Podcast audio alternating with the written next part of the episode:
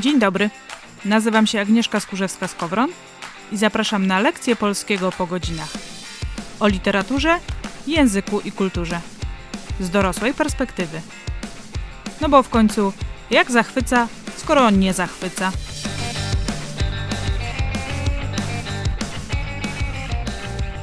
Dzień dobry. Dzisiaj zapraszam do wysłuchania ważnego dla mnie odcinka, bo na bardzo ważny dla mnie temat. Od niemal roku przy każdej nadarzającej się okazji mówię i piszę o świadomym czytaniu.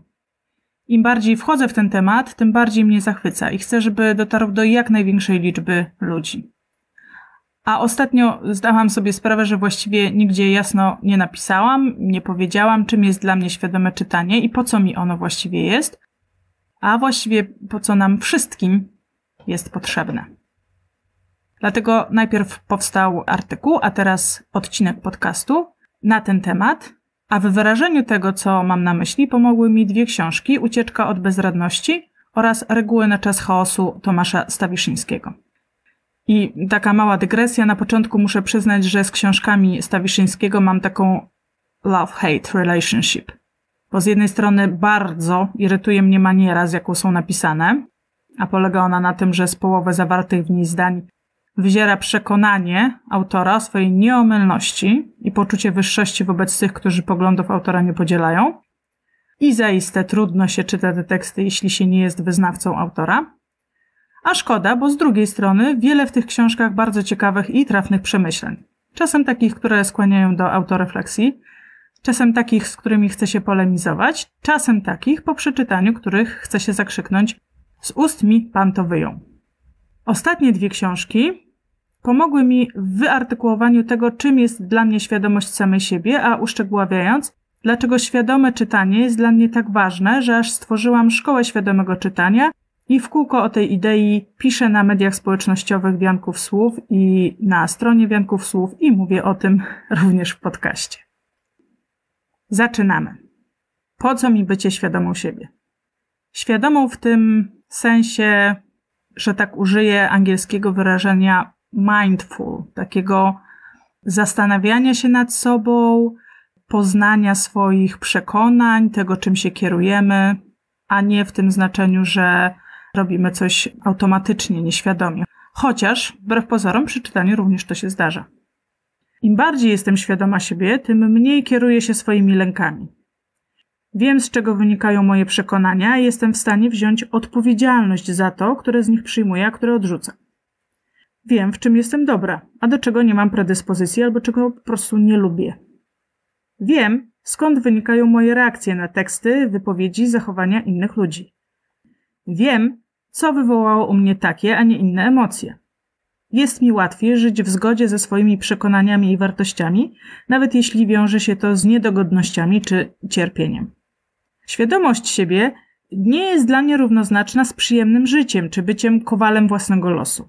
Owszem, człowiek będący świadomy siebie często jest szczęśliwszy, ale to nie znaczy, że zawsze jest szczęśliwy, zadowolony, omijają go losowe wypadki czy życiowe przewroty. No nie ma takich ludzi. Taka osoba zdaje sobie sprawę, że tyle wiemy o sobie, ile nas sprawdzono, a w związku z tym nie zakłada ze stuprocentową pewnością, że nigdy nie zrobi świństwa, od teraz już zawsze będzie trzeźwa, nikomu nic nie ukradnie, nigdy nie będzie fundamentalistą, religijnym czy jakimkolwiek innym oraz zawsze znajdzie wyjście z trudnej sytuacji, nie załamie się, nie wyprze swoich wartości. Jeśli jestem świadoma siebie, w myśl starogreckiej zasady gnotis auton, poznaj samego siebie, jestem czujna wobec moich wyborów, poglądów, sympatii, co jakiś czas sprawdzam, z czego one wynikają, jak się mają do moich deklarowanych wartości czego chcę naprawdę w życiu i jeśli coś się rzeczywiście w moim życiu zmieniło, ja również obieram inny kurs. Nie wypierając się dawnych przekonań, ale zwracając się ku temu, co w tym momencie uważam za słuszne. Bycie świadomą samej siebie oznacza dla mnie również bycie pokorną. Ale nie w tym jednostronnym znaczeniu zgody na poniżenie i wypominanie sobie swojej grzeszności. Pokora to tak naprawdę uznanie prawdy o sobie, tego, co we mnie dobre, co potrafię, co lubię, ale również tego, że nie zawsze jestem w porządku, że czasem moje wybory nie zgadzają się z moimi deklaracjami, że mi nie wychodzi. bycie świadomą siebie czyni życie po prostu znośniejszym, bo z mniejszym poziomem frustracji, kiedy nasze wyobrażenia zderzają się z rzeczywistością. Ale przede wszystkim sprawia, że łatwiej jest mi się dogadywać z innymi ludźmi. Budowanie relacji uważam za fundament naszego życia tu na Ziemi. Właściwie określenie bycie świadomą siebie jest nieco mylące, bo to jest raczej stan, do którego dążymy, niż ten, który osiągniemy. Choć osoby religijne wierzą, że ów stan osiągną, w myśl słów świętego Pawła, że teraz widzimy jakby w zwierciadle, niejasno, wtedy zaś ujrzymy twarzą w twarz. Teraz poznaję po części, wtedy zaś poznam tak, jak i zostałem poznany. Niemniej, zawsze lepiej stawać w prawdzie o sobie, nawet jeśli niepełnej, niż żyć łudą i fantazmatami.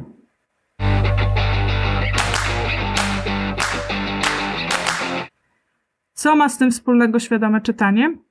Uważam, że jednym z lepszych sposobów poznawania samego siebie jest czytanie literatury pięknej, zwłaszcza klasycznej, czyli takiej, która jest aktualna mimo upływu czasu, napisana jest dobrym językiem, a przede wszystkim jest napisana bardzo świadomie. To znaczy, że autor lub autorka nie pisali, co im ślina na język przyniesie, tylko zastanawiali się nad słowami i świadomie kreowali językowy świat. Nie chodzi jednak o pożeranie książek, im więcej, tym lepiej, ale o czytanie świadome, czyli takie, dzięki któremu poznaje swój sposób patrzenia na świat. To, jaki sposób komunikacji lubi, a jaki nie, i jakie stoją za tym przekonania. Przyglądanie się za pomocą jakich środków autor zbudował taki, a nie inny świat, który na mnie jakoś działa. Jednak tym, od czego powinna zaczynać się świadoma lektura tekstu, nie tylko literackiego, jest uzmysłowienie sobie, jakie emocje wywołało we mnie to, co właśnie przeczytałam, do jakich myśli czy działań mnie one zachęcają. Dlaczego moim zdaniem świadome czytanie jest ważne w dzisiejszym świecie? O ile jeszcze kilkadziesiąt lat temu mogliśmy się łudzić, że są pewne niezmienne wartości wspólne dla wszystkich ludzi, o tyle dziś nie zostało nam już nawet złudzenie. Nie mówiąc o przekonaniu. Mamy wokół siebie tyle prawd, a każda z nich może być całkiem nieźle wytłumaczona. Komu mamy wierzyć, jeśli bywa, że nawet niektóre badania naukowe po pewnym czasie okazują się być zmanipulowane? Czy zostają nam tylko teorie spiskowe, które w prosty sposób tłumaczą świat i wprowadzają porządek we współczesny chaos? Jak dogadać się z drugim człowiekiem w tak bardzo spolaryzowanym, nie tylko w Polsce, społeczeństwie? Czy jesteśmy zdani na wybory moralne algorytmów, które podsuwają nam treści lub je usuwają? No i tu właśnie całe na biało wchodzi świadome czytanie. Przy czym, żeby była jasność, nie uważam tego za kolejny lek na całe zło i skuteczną w 100% tarczę przeciw manipulacji. Jednak takie podejście do czytania sprawia, że jesteśmy w stanie obronić się trochę bardziej, a przede wszystkim dogadać się trochę bardziej. Wyjaśniając moje podejście, chciałabym wykorzystać fragmenty właśnie z tych dwóch książek Tomasza Stawiszyńskiego, o których wspominałam na początku.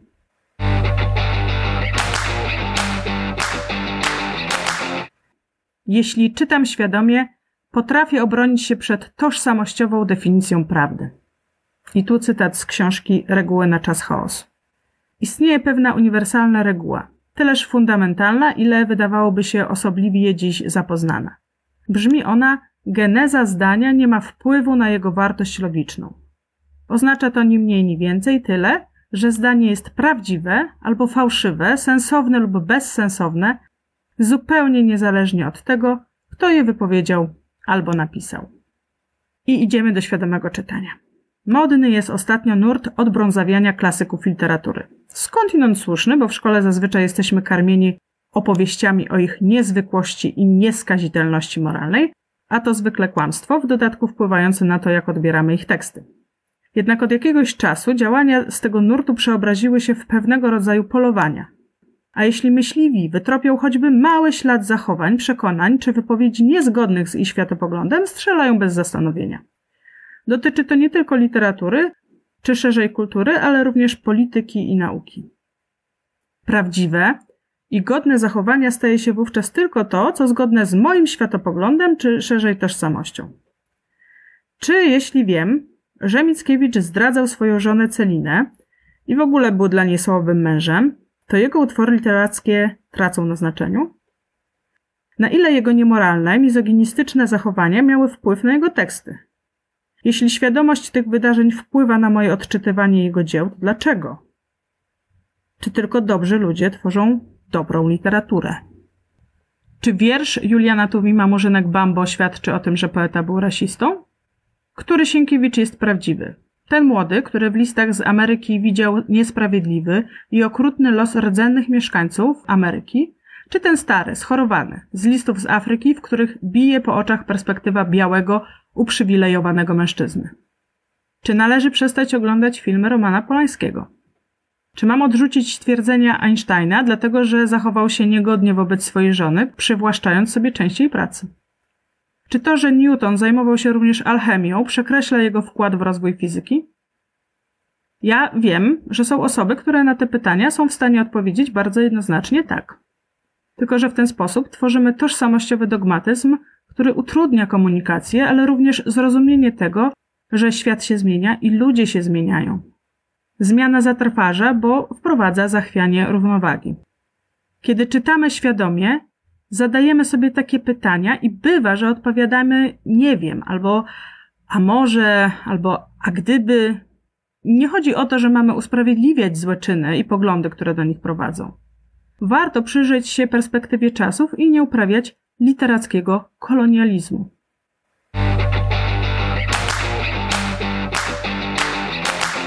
Jeśli czytam świadomie, zdaję sobie sprawę, że niektóre moje przekonania o świecie mogą wynikać z lęku oraz potrzeby porządku i reguł.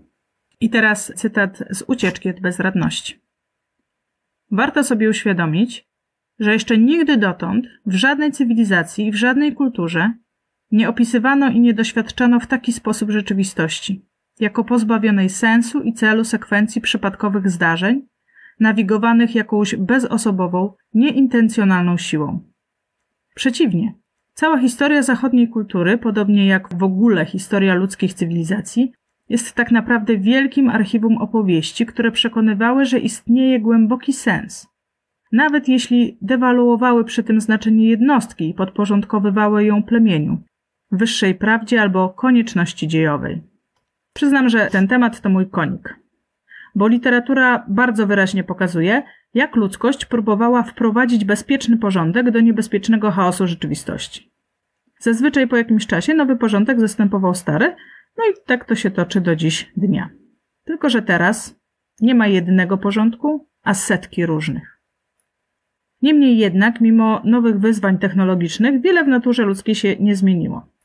To dlatego mity greckie, tragedie antyczne, dramaty Szekspira czy Becketa są wciąż i wciąż czytane i pokazywane na scenach. Czytając świadomie te teksty, ale również i bardziej współczesne, mierzymy się z tymi pytaniami i odnosimy je do naszej rzeczywistości.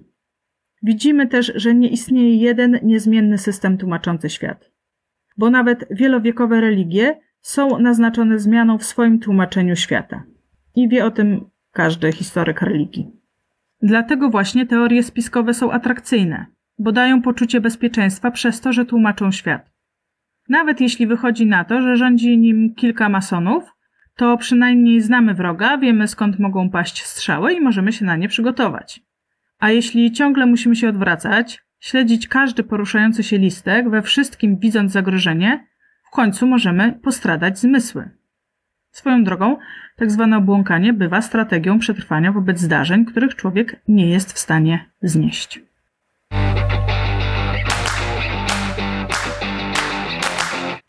Jeśli czytam świadomie, wiem, że konflikt powinno rozwiązywać się najpierw rozmową i nie rzutuje na swojego rozmówcę własnych projekcji. I znów zaczynamy od cytatu z ucieczki od bezradności.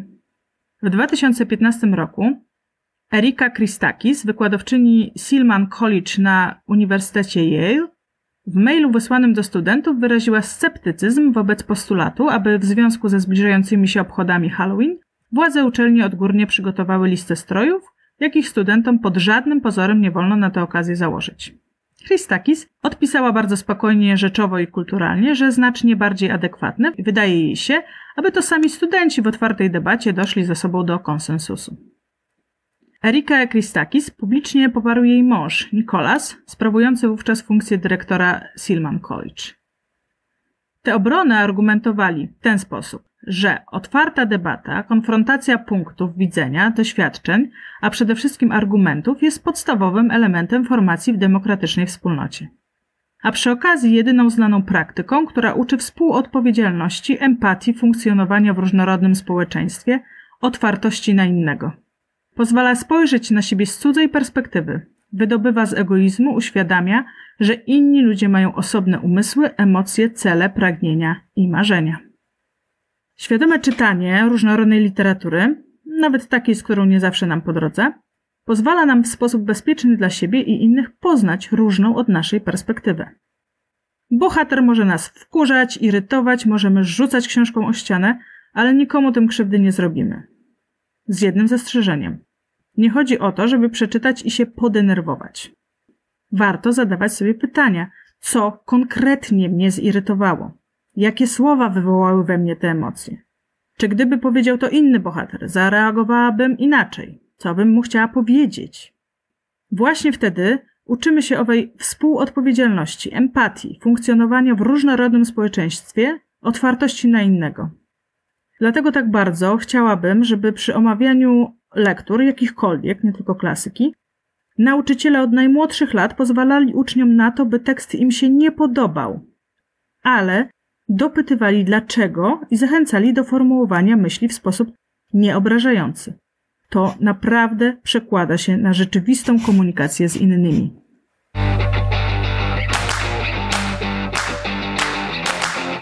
Czytając świadomie, mamy możliwość przyjrzenia się, jak różne wybory i postawy wpływają na bieg rzeczywistości oraz nabieramy dystansu do własnych osądów i intencji. Cytat z ucieczki od bezradności. Lekcję, którą daje nam tutaj Dostojewski, mowa o notatkach z podziemia z 1864 roku. A propos, czy skoro Dostojewski krytykował Polaków, to możemy posługiwać się przykładami z jego książek?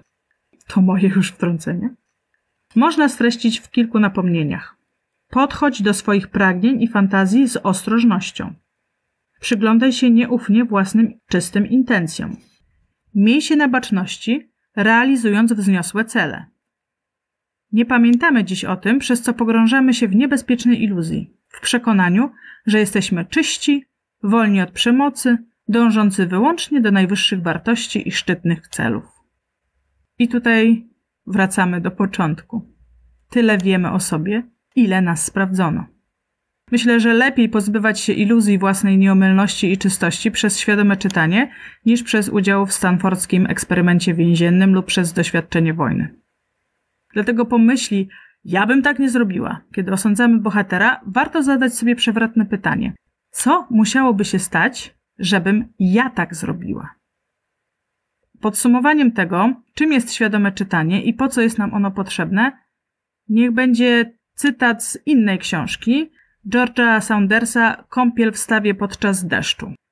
To są jego spisane wykłady, które prowadzi dla studentów, podczas których pochyla się nad e, nowelami rosyjskimi, właśnie czytając je świadomie.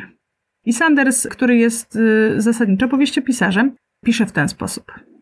Badać to, jak czytamy, znaczy badać, jak działa nasz umysł. Jak sprawdza, czy dane twierdzenie jest prawdziwe? Jak zachowuje się w stosunku do innego umysłu, to jest umysłu autora, ponad czasem i przestrzenią? Oto nasze główne zajęcie. Będziemy obserwować samych siebie podczas lektury. Próbowali odtworzyć, co czuliśmy przed chwilą, gdy czytaliśmy. Czemu mielibyśmy to robić? Ano, ta część umysłu, która czyta opowiadanie, jest zarazem częścią czytającą świat. Może nas zwodzić, ale możemy ją trenować, żeby była sprawniejsza. Można ją zaniedbać, a wtedy staniemy się bardziej podatni na wpływy lenistwa, agresji, materializmu. Lecz można ją też reanimować i wówczas przemieni nas ona w dociekliwszych, ciekawszych, uważniejszych czytelników rzeczywistości. Mam nadzieję, że zwłaszcza tym ostatnim cytatem przekonałam Cię choć trochę, że świadome czytanie jest bardzo istotne i warto je praktykować, warto się w nim ćwiczyć. Ja prowadzę szkołę świadomego czytania. To jest takich sześć warsztatów, w których No właśnie, pochylamy się nad bardzo różnymi tekstami z klasyki literatury, owszem, ale nie tylko. I sprawdzamy, co te teksty nam robią, do jakich działań nas zachęcają i za pomocą jakich środków to robią. Jeżeli jesteś zainteresowana, zainteresowany udziałem w warsztatach albo chcesz poczytać więcej o czym to jest, to zapraszam Cię na moją stronę Wianki Słów. Tam w zakładce oferta jest Szkoła Świadomego Czytania. Albo po prostu wpisz w wyszukiwarkę Szkoła Świadomego Czytania, na jedno wyjdzie. Jest tylko jedna taka na świecie. Zapraszam Cię do udziału. Ale jeszcze bardziej zapraszam Cię do tego, żebyś czytała i czytał świadomie. Do usłyszenia.